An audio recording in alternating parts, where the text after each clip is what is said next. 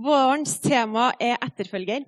Eh, og eh, for deg som ikke hørte forrige gudstjenestes tale, så vil jeg anbefale deg å høre podkasten. Den ligger ute på, eh, på, Facebook.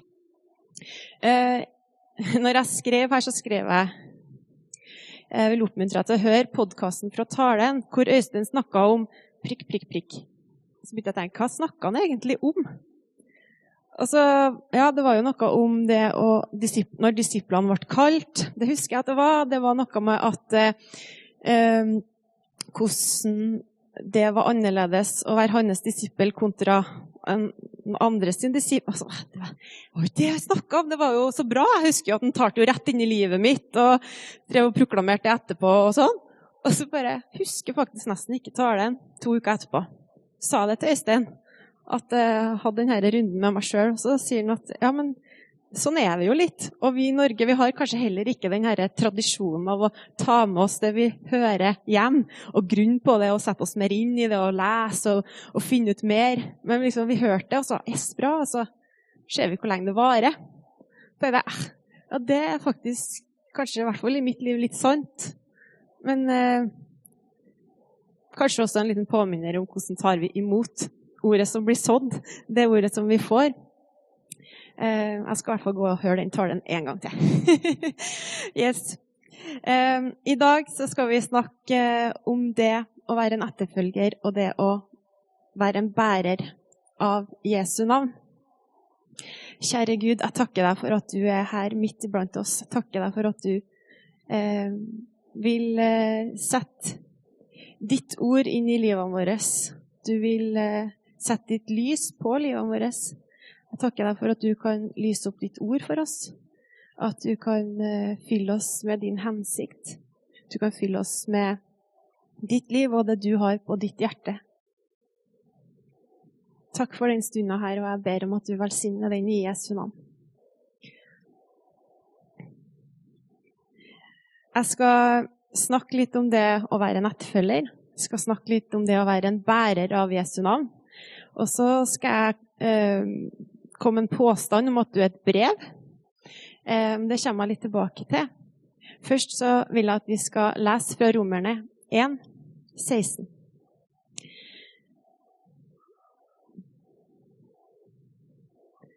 For jeg skammer meg ikke over evangeliet det er Guds kraft til frelse for hver den som tror. Jøde først, og så greker. Jeg skammer meg ikke over evangeliet. Min første overskrift her er 'kristenstempelet'. Hvem er det som får eh, lov til å definere hva det vil si å være en kristen? Eh, er du sånn kristen, du? Har du hørt det noen gang? Fått det spørsmålet? Ja, ser noen nikk. Og Jeg har også fått det spørsmålet mange ganger. Og så har jeg tenkt hva legger den personen i det? Fordi det er ikke sikkert at det den personen legger i å være en sånn kristen, er det jeg legger i å være en sånn kristen. Så, eh, så begynte jeg å tenke på det her med eh, hvem er det som eier det? Eh, definisjonen av eh, hva som ligger i å være en kristen. Og eh, jeg har laga en liten beskrivelse da, eh, på hva det vil si å være en kristen hvis jeg skulle gå ut ifra sitat som har blitt sagt til meg gjennom mitt liv. Eh, ting som har blitt kasta etter meg i eh, forbifarta. andres rundt meg, min oppvekst og mitt voksne livs oppfatning av det å være en kristen, så har jeg ord her og setninger der og så klinte sammen til en folk i mitt liv, Wikipedias definisjon av kristen. Eh, bare stjerne i margen. Dette er ikke sant. Altså, det, er, det er sant, jeg har hørt det, men det er ikke den definisjonen som stemmer. sant? Det skjønner du kanskje litt fort etter hvert. En kristen er en trang, trangsynt, dømmende bedreviter som ser verden gjennom religiøse briller. Han lever fullt av skam, og lever egentlig heller ikke da han bare sitter og venter på å komme til himmelen. Han er livredd for å miste det evige liv, og går derfor bundet gjennom hele livet. En kristen gifter seg for å ha, få lov til å ha sex. Han har garantert sex før eh, ekteskapet, men det ser bra ut utad. Kristne vokser opp i svarte, mørke hjem som ikke har juletre på julaften en gang. Og så skulle jeg slenge på en jeg fikk den måneden her, så hadde det vært ikke rart den personen er traumatisert som har vokst opp i et sånt hjem. Parentes kristent. Jeg skammer meg ikke over evangeliet, men hjelper meg som jeg skjemmes over det noen har fått det til å bli. Så mye som jeg ikke står for. Så mye løgn som er putta inn i det stempelet. Hva skjedde? Hvor i all verden ble den tittelen her så forskrudd i mange sine øyne? Jeg er sikker på om du hadde pløya gjennom eh, ditt liv og ting som hadde blitt eh, sagt til deg, eller rundt deg, ting du hadde snappa opp av folks definisjon av hva det vil være å være en kristen, så hadde du hatt en like innholdsrik og vrengt liste som det jeg fikk når jeg skrev ned. Så da er det ikke så veldig rart da, at vi kan sitte med en litt sånn kjip følelse i magen når temaet kristen kommer opp på jobben, eller blant ikke-kristne venner, der man føler at man nesten ikke har lyst til å gi seg til kjenne, fordi det de snakker om, det er noe helt annet enn det du kjenner at du er en bærer av.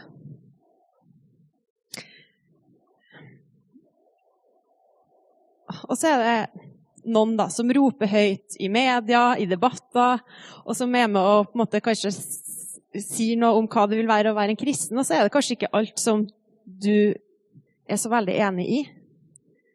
Og så kanskje det gjør noe med måten vi preges og tenker om det å være en kristen på.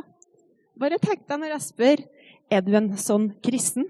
Tenker du da ja! Jeg er så glad for at jeg er en sånn kristen! Eller tenker du Hva legger du i det? Det er noe du kan tenke litt. For vi fôres fra alle kanter. Folk som vil kaste innhold i hva det vil si å være en kristen. Og Derfor så er det så viktig å snakke om hva det egentlig vil si. Hva det vil si å være i Kristus. Det er så viktig å snakke om hva Gud sier om oss og til oss. Både fordi det er Han som er vårt opphav og kan beskrive vår verdi, og det er Han som skal få definere hva det vil si å høre Han til og følge han. Det er han som skal få lov til å definere det. Han som skal få være innholdet. Så jeg ønsker i dag å tømme dette kristenstempelet litt for eh, Eller ikke litt, helt for løgn. Tenk inn i ditt eget liv. Hva har du av løgn inni det der kristenordet, kristenstempelet? Og så vil jeg at vi skal fylle opp med sannhet. Så hva betyr det da å være en kristen? Å være en kristen, det betyr jo bl.a. det å tro på Jesus. Tro at han har levd. Tro på at han gjorde det han gjorde når han levde. Og tro at han døde for verdens synd. Og tro at han sto opp igjen og oppretta en mulighet for oss til å igjen ha kontakt med vår skaper, med Gud. Vi skal ta neste slide, der vi skal lese fra Johannes 1,12. Så mange som tok eh, Nei, litt lenger opp. Der, ja. Johannes 1,12. Så mange som tok imot ham, dem ga han rett til å bli Guds barn. Dem som tror på hans navn. Og vi kjenner godt Johannes 3, 16. For så høyt har Gud elsket verden, at han ga sin sønn den enbårne, for at hver den som tror på han, ikke skal gå fortapt, men ha evig liv.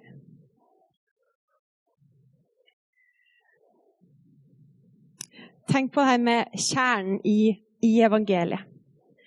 Håpet som er det her løftet om at en dag så skal de som har grått mye, få en, sin store trøst. Håpet om at vi har noe i vente, ei tid der all ondskap skal være borte. Hvor rettferdigheten har seira. Og hvor trygghet og glede og fred skal få være det som har fullstendig spillerom. Det er ganske fantastisk. Hvor Gud skal være vårt lys, og vi skal få leve fullstendig i hans nærvær. Og for så utrolig mange andre så er det livet og den greia man har her og nå. That's it. Det er alt. Det er det man har å forholde seg til. Men vi har en helt annen dimensjon. Vi har det evige liv. Det starter i det øyeblikket vi tar imot Jesus. Og det å være en kristen, det betyr å være en tilhenger eller en etterfølger av Jesus.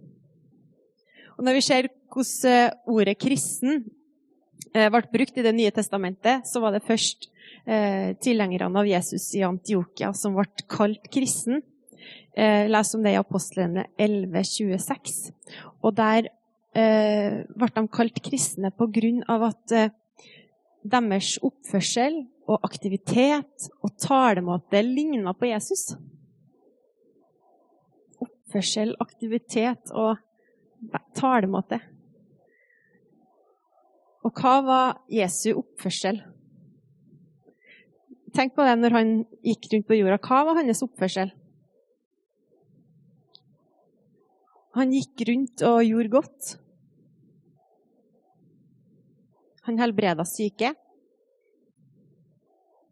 Han ga folk en ny sjanse. Det Er noen andre som kjemper noe om Guds Nei, om Jesu oppførsel? Hva var det som kjennetegna Jesu oppførsel? Det er en utrolig tilgivende oppførsel. Sikkert masse, masse mer når vi graver inn i det. Og talemåten Hvordan talemåte hadde Jesus, da? Vi snakker om at nå at eh, de første kristne ble kalt det fordi de, de ligna på, på, Jesus sin oppførsel, aktivitet og talemåte. Og talemåten til Jesus den var full av tro. Den hadde tydelighet og vennlighet, og den var full av håp. Du, du, møtte ikke Jesus, og så gikk du liksom med håpet knust etterpå. Det kunne at du fikk en, en tydelig tale, men du hadde håp. Du gikk derfra med håp. Og Jesu aktivitet eh, og Jesu oppførsel handla om at han, han hadde full, full, av tro på Gud. Og så hadde han en sånn takknemlig eh, måte å være på. Gikk han takknemlig i alle forhold. Når han hadde mye, og når han sto framfor sin største utfordring, så takka han Gud. Så det å være en kristen, det betyr dermed ikke at vi skal liksom prøve å ha så fin oppførsel som mulig, og, så riktig eller rett talemåte eller framtoning som mulig, men det handler om at vi skal la oss prege av Jesus. La oss preges av måten han levde på, var på, talte på.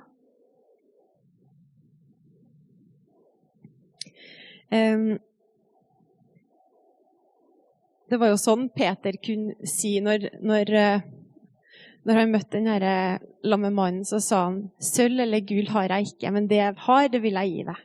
Jesu Kristi Nazarenes navn. I det navnet, på grunn av han, så sier jeg Og ikke noe han fant på, eller at han hadde blitt en så bra disippel etter hvert at nå kunne han. Men på grunn av Jesu Kristi Nazarenes navn, så fordi han hadde sett Jesus, hvordan han levde, hvordan han snakka, hvordan han var. Og han var en etterfølger. Han gjorde det han hadde hørt Jesus gjorde. Gikk sånn som han hadde sett at Jesus gikk. Det var en etterfølger. Um, å være en kristen det betyr at man har Jesus som et forbilde. Og jeg er så stolt av det forbildet. Det er så langt ifra det eh, den verden som ikke kjenner Jesus, legger i det, hvis du skjønner. Altså det eh, Jesus han er mitt største forbilde. Og det kristenstempelet, det skulle egentlig ha vært et skikkelig ærefullt stempel. Det betyr at vi ønsker å gå i Jesu fotspor og ligne hans talemåte, og aktivitet og eh, holdning. Det er et skikkelig ærefullt stempel. Og jeg ønsker at flere og flere skal se det virkelige innholdet i det å være en kristen. Jeg har en bønn om at Jesus skal få være den som definerer det innholdet for oss, og ikke dem som kommer med alle de her oppgulpene om hva det er. For det Hvis du tenker etter, lar du det prege deg? Lar du det prege hva det vil si å være en kristen? Det alle andre putter i det, eller det Gud putter i det? Så det å være en kristen, en etterfølger, handler om å, å kjenne Gud og vite hvem han er, og tro på evangeliet, og være en etterfølger. Eh, Torbjørn, du snakka om det å være lys og salt. Det det handler om å være en, en kristen. Følg etter. Se på hvordan han gjorde det. Ta til seg av det han gir. La han være den som setter identiteten inn i oss. Å være en kristen det betyr å være en bærer av Jesu navn. Tenk deg kristen. Vi bærer Krist i navnet. Christian. Vi bærer Kristusnavnet i det navnet. Eh, det er en stor ære. Og det er nettopp det som er innholdet det er Jesus det handler om. Å, en, å, å bære Jesu navn, det er en stor, stor stolthet. Og det bærer med seg en, en kraft. Jesu navn har en kraft.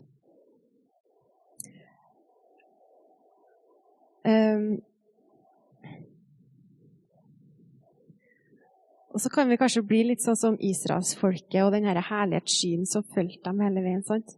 at de ble vant til å ha den herlighetsskyen der. Eh, kanskje de glemte å anerkjenne det som var der, Guds nærvær iblant eh, dem. Og kan det være litt for, sånn for oss kristne òg, at innholdet i kristen At vi vi er så vant til at det er der. Vi er så vant til at vi, ja, vi er kristne, og så hører vi litt her og der om hva det er. Og så, hva er det egentlig? Det her jeg har glemt å tenke på. Og så på en måte bare eh, Kanskje vi har vært kristen siden vi var baby eller små. Eh, kanskje vi har blitt litt vant. Og kanskje eh, for noen av oss så har vi på en måte glemt å reflektere over hva betyr det egentlig her og nå i dag. Vi må anerkjenne at vi får være bærere av Jesu navn. For det er ganske stort. Det er veldig stort. Det er en ære. Det er noe vi skal være stolt av og holde høyt. Og så er det også en utfordring. Har du noen gang lagt merke til at kristenlivet det, det er ofte mest behagelig når det ikke utfordres på noe som helst måte. Opp med ei hånd. Eh, det er sikkert bare jeg som har det sånn. Men jeg syns det er kjempe ikke, det er ikke lett å stå foran dere og, og snakke, det, ikke, det, det, koster meg masse, det. Men det er veldig mye lettere enn å, å si noe på min arbeidsplass og dele noe om trua mi der. Eh, når det ikke koster noe, når det ikke noe som utfordres, åh, da er det digg. Når vi kan stå i lovsang og bare Men hadde plutselig hele, hele min jobb kommet inn her og skulle på visitt, da, da, hadde ikke jeg kjent det like sånn åh. Da hadde jeg kjent sånn Hadde jeg kjent det da. Og vi skal se litt på en etterfølger i, i Bibelen. Vi skal se på en mann som, som eh, følger Jesus. og Vi har litt om eller vi har snakka litt om det før. En kristen. En som deg og meg. Det var Peter. Peter han hadde omstendigheter. Og Nå skal vi gjøre noe pinsekarismatisk. Vi skal snu oss til sidemannen og si du har òg omstendigheter. Kjør på. Alle får si det. Ja, det har du. Peter hadde et liv som ble dratt mellom forskjellige krefter. Han eh, la ned livet sitt. Han ble kalt av Jesus. Han la ned livet sitt og ville følge Jesus. Og så har vi eh, eh, det her som skjer da, like før Jesus dør. At han får det her spørsmålet. Eh, sant? Sånn som jeg beskrev hvis kollegaene har kommet inn her nå. og så Litt sånn så opplever Peter i, eh, i eh, Skal vi se I Matteus 26, 69 så skal vi lese. Han blir spurt om sitt forhold til Jesus. Imens satt Peter ute på gårdsplassen. En tjenestejente kom bort til han og sa, 'Du var vel med den galileeren Jesus.' Men han nektet i alles påhør og sa, 'Jeg skjønner ikke hva du snakker om.' Da han gikk ut i porthvelvingen, fikk en annen jente øye på ham og sa til dem som sto der, 'Han der var med Jesus fra Nasaret.' Peter nektet på ny og sverget på 'Jeg kjenner ikke den mannen'. Litt etter kom de som sto der, bort til Peter og sa hvis, du, eh, hvis er du en av dem, du også. Dialekten din røper deg. Da ga han seg til å banne og sverge. Jeg kjenner ikke den mannen. I det samme gol han. Da husket Peter det Jesus hadde sagt til ham. Før hanen galer, skal du fornekte meg tre ganger. Og han gikk ut og gråt bittert. Og Peter han ble den kvelden det som jeg vil kalle en kameleon. At her passer ikke å ha den fargen, så da blir jeg en annen farge. En annen versjon. Jeg skal passe inn her. Her kan ikke jeg si hva jeg egentlig står for. Hvordan er det med meg og deg, da? Skifter vi eh, farge etter hvem vi har rundt oss? Er vi som en kameleon innimellom? Jeg er det. Jeg er en kameleon. Ehm, jeg kan kjenne meg godt igjen med Pingla-Peter. Når han på en måte bare ikke klarer å stå for det. Jeg kan kjenne meg igjen i, i han.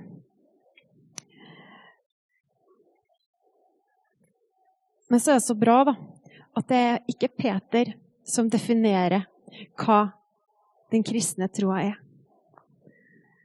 Det er Jesus som definerer det. Og tenk det, for at for hver feige bekjennelse som Peter kom med, så fikk han eh, et spørsmål og en forsoning igjen fra Jesus. Jesus spurte han eh, etter han hadde stått opp fra de døde, så spør han Peter elsker du meg. Tre ganger spør han opp igjen. Og så skal jeg komme med en liten hemmelighet, digresjon. Eh, når jeg leste det, da, det verset der det står 'Elsker du meg før mine lam', og da har jeg tenkt 'før mine lam'. så er litt sånn, Hva betyr det? Det har jeg aldri fått helt til å forstå. Men det er fôr. Altså 'fø mine lam'. Ja, det var en digresjon. Og ingen som syntes den var noe særlig morsom. Men poenget er at Jesus møter oss ikke ut ifra vår feighet, ikke ut ifra våre tabber, ikke fra Han ser oss, han ser hvordan vi er, han vet hvordan jeg er. Men jeg får lov til å bære hans navn eh, med meg og kalle meg sjøl en kristen. Eh,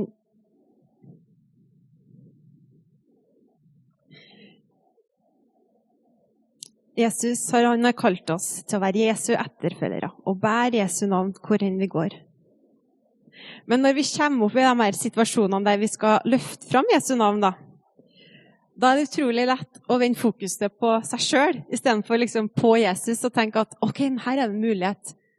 Jeg vet ikke med deg, men jeg er i hvert fall sånn at hvis det dukker opp en eller annen slags samtale eller mulighet for å få Jesus på banen, så kan jeg la den første definisjonen som jeg leste opp for dere, være den som på en måte tenk, gjør at jeg tenker at ah, de har, de har min tro i den boksen, så jeg gidder ikke å si noe.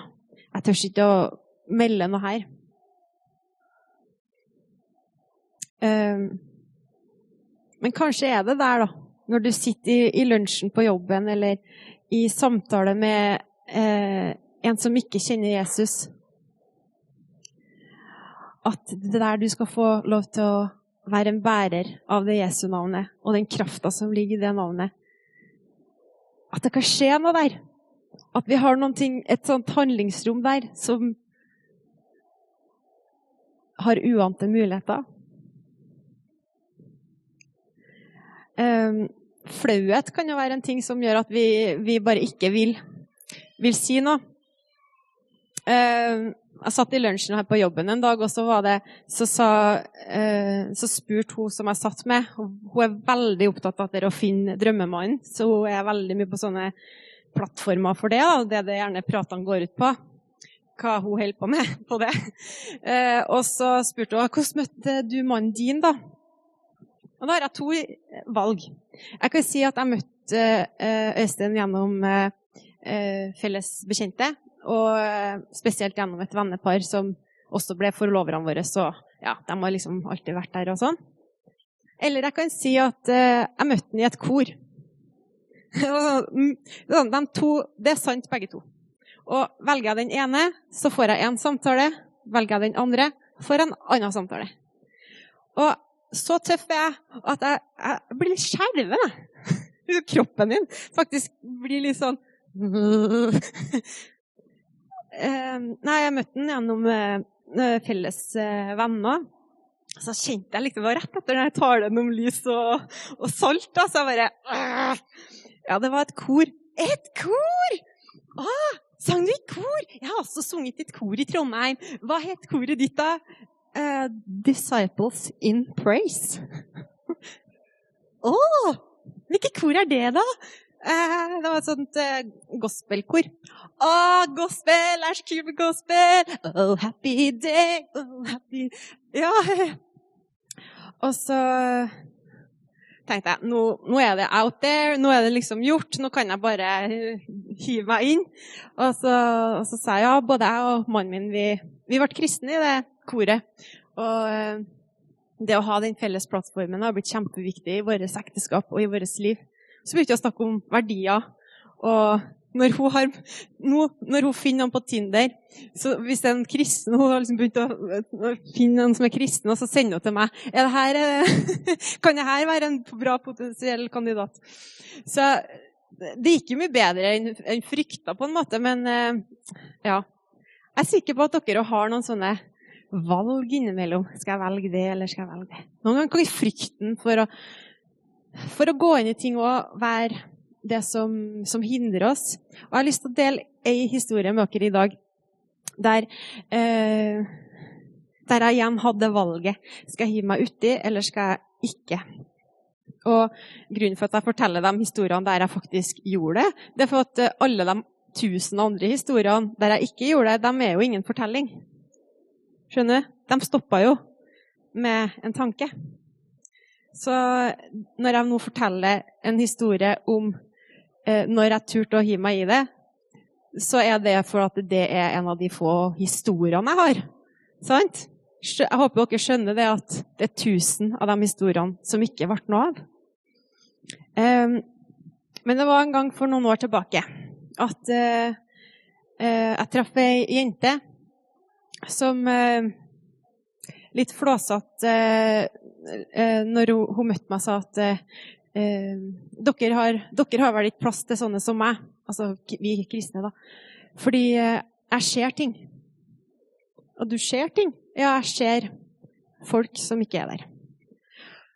Og eh, så sa jeg vel noe sånt som Jo da, det har vi. Vi har plass til Altså, alle, alle har lov å komme og, ja, og trua. Og så ble den samtalen litt ferdig, og så gikk jeg på et toalett og så tenkte jeg Kjære Gud, hva gjør jeg nå? Fordi sånn derre skjer ting og åndenes makt altså Jeg skipper fort over sånne program. for å si det sånn, og Helt siden jeg har vært eh, tenåring, så har det som har hatt med med sånn åndelighet. Altså ikke Den hellige ånd-åndelighet, men det som har med sånn uh, åndelighet, det har jeg liksom vært litt sånn Å, det, det vil ikke ha noe med å gjøre. Jeg syns det, det, det, er så mye frykt i det. Så jeg gikk inn på det doen, og så, så var jeg kjære Gud det, hva, hva, gjør jeg nå? Jeg kjente på ene sida at jeg kunne bare ha en sånn takkebønn for meg sjøl. Takk at uh, det at hun sa at hun så ting, skal ikke prege meg og mitt uh, liv, og jeg er trygg i deg, og takk at det er mitt vitnesbyrd. Eller jeg kunne gå og ta praten med henne og lette litt på døra mi og fortelle om det navnet som jeg er bærer av.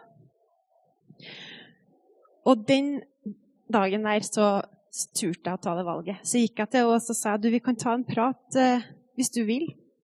Um, og så satte vi oss ned, og så fortalte hun litt mer om det her problemet sitt. da.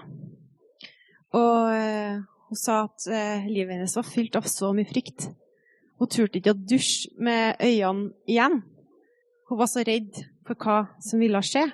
Hun turte ikke å gå ned i kjelleren der hun skulle vaske klær alene, fordi hun var så full av frykt. Og hun hadde snakka med noen av vennene sine om det her, og den frykten den hadde smitta dem òg. Og hun sa at hun så hvor redd de ble. Fordi de så at hun så, på en måte. Eller sånn, ja. Det var ringvirkninger, det her. Da. Det, det spredde masse frykt. Og så fortalte jeg Så spurte jeg henne har du, har du noen gang prøvd å be. Og så sa hun ja, jeg har prøvd å be, men så vet ikke jeg helt liksom, hvem jeg ber til. Ber jeg til dem, eller ber jeg til Gud, eller hva, liksom, hva ber jeg til? Og så sa jeg at eh, så, så, fortalte jeg om Jesus. Og så fortalte jeg om Jesu navn. Og så fortalte jeg om kraften i Jesu navn, og hvordan når vi ber i Jesu navn, så er det som den lysbryter som slås på i det mørkeste rom. Og når det lyset slås på, så må mørket faktisk bare pelle seg ut. Det har ikke noe valg. Og jeg fortalte, henne at du kan be i Jesu navn. Be til Jesus um, om at denne frykten og at det du ser, at det, skal, at det, det ikke skal plage deg. Um, og så, um, noen dager senere så traff jeg henne igjen. Og så sa hun Det funka! Det funka! Vet du, Jeg kan dusje med øynene igjen, jeg kan gå i kjelleren og vaske klær. Jeg føler meg så fri. Jeg, jeg har ikke den her frykten noe lenger. Eh, det funka, og jeg ble så ivrig at jeg måtte fortelle vennene mine om det. Og, og de har begynt å gjøre det samme. At de har begynt å, liksom, å bruke det her navnet. Og, og, det, og liksom, hun prøvde å ikke være sånn men hun var litt sånn. Og, bare, og, så, og så bare Å, så bra! Fortsett med det. Og enda igjen noen, eh, eh, noen dager senere så, så, kom hun til meg og så sa hun jeg vil, eh, jeg vil ta imot Jesus. Jeg vil, jeg vil på en måte Jeg tror jo på det, men jeg vil Jeg vil liksom Jeg vil følge Jesus. Eh, og helt utrolig hvordan det å lette på døra og på en måte Her er noe av det Jesus er. Hva det hadde å si for henne og for vennene hennes. Og at hun slapp å gå rundt med denne frykten. Så kan det være akkurat der og da, når du kjenner mest at det ikke passer, eller at det her er ekkelt og skummelt å hive seg inn i, eller At det kan være en plass der mennesker kan få lov til å lese litt om eh, hva det vil si å være en kristen. De kan se litt av hva det vil si å være en etterfølger. At jeg kan få være med å gi noen en ny definisjonsramme.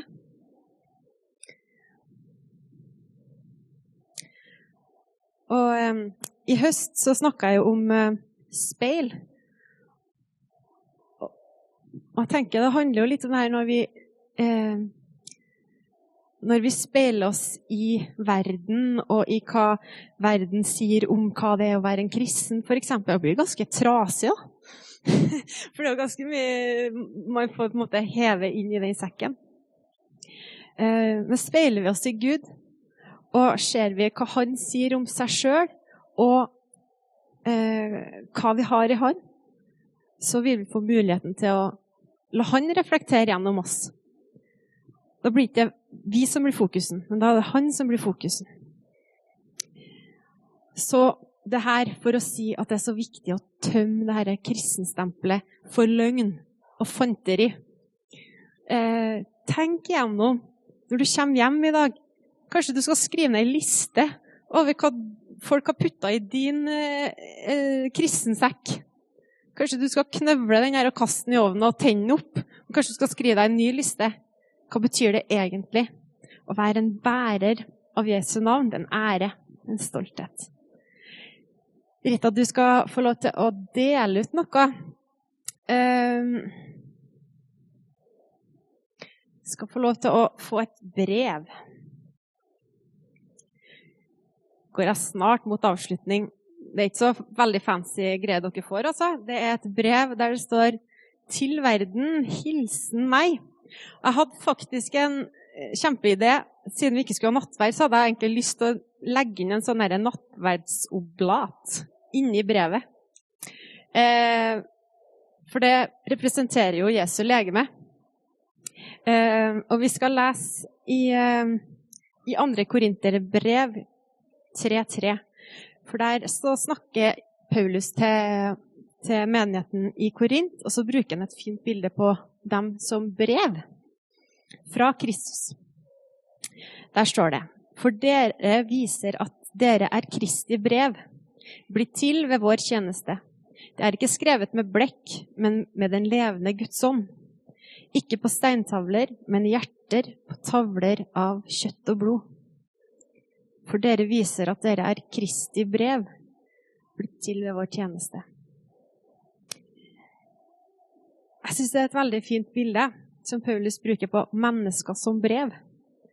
Jeg tenkte, Hvis hvert menneske var et brev, alle på jorda, alle mennesker var et brev Og når du tar imot Jesus, så får du et stempel på ditt brev. Eller enda bedre et oblat inni ditt brev. Han er i deg, han bor i deg. Um, du hører han til. Han er på innsida. Og dette brevet det leses av verden rundt oss. Fra Kristus til den du møter i din hverdag. Kanskje noen tenker men jeg møter ingen ikke-kristne i min hverdag. Ikke på jobben, ikke hjem, ikke vennekristen. Ja, da må du skaffe deg noen venner som ikke er kristne. Da må du virkelig finne en ny hobby. For vi er kalt til å være der folk er som ikke ennå kjenner Jesus. Det er viktig. For vi er et brev. Og innholdet er du prega av Den hellige ånd. Inspirert av det du lar deg inspirere av. Og ditt brev det ligner ikke helt på mitt, men vi har den samme ånd. Eh, og vi skal få lov til å eh, bli lest av dem som er rundt oss. Tør vi det? Tør vi å åpne konvolutten og la folk få lov til å lese litt? Og la folk få lov til å se litt av hva det vil si å være en bærer. Um, inni den konvolutten er det bare en liten lapp med det her sitatet 'Jeg skammer meg ikke' Eller det bibelverset 'Skammer meg ikke over evangeliet'. Hva vil det si for deg i ditt liv, i ditt brev? til verden, til familien, til barna, til mora di. Vi avslutter med eh, siste slide. Så en etterfølger, en bærer av Jesu navn, et brev til verden. Min bønn det er at vi i Nordkirka vi skal få være med å redefinere hva folk eh, For folk som ikke kjenner Jesus, hva det vil si å være en kristen. Det er ikke dem som skal få lov til å definere hva vi tenker om oss sjøl. Vi skal få lov til å være med å definere hva de tenker. Min bønn er at vi skal være bærere av Jesu navn med en ære og i visshet og forventning om at det har kraft i seg. Og mitt håp er at vi kan få være åpne brev for verden vi lever i. Hvor de som er rundt oss, lett kan få se at Jesus skinner fram. Så håper jeg at noen av dere kjenner at dette gir gjenklang i ditt liv, at du ønsker at det skal være din bønn også. Og så kan man tenke at ja, det, her, det var viktig. Eh, men som jeg sa med den eh, innledninga, at det er mye som er viktig, som om to dager var viktig, men hva var det egentlig? Men la nå det brevet her være en påminner om at du er et brev lest av mange. Og du får lov til å være en bærer av Jesu navn. Og du får lov til å være med å definere hva en kristen betyr. En som følger Jesus. Vi skal eh, få opp lovsangstime. Så skal vi lovsynge Gud, og så skal vi ha mulighet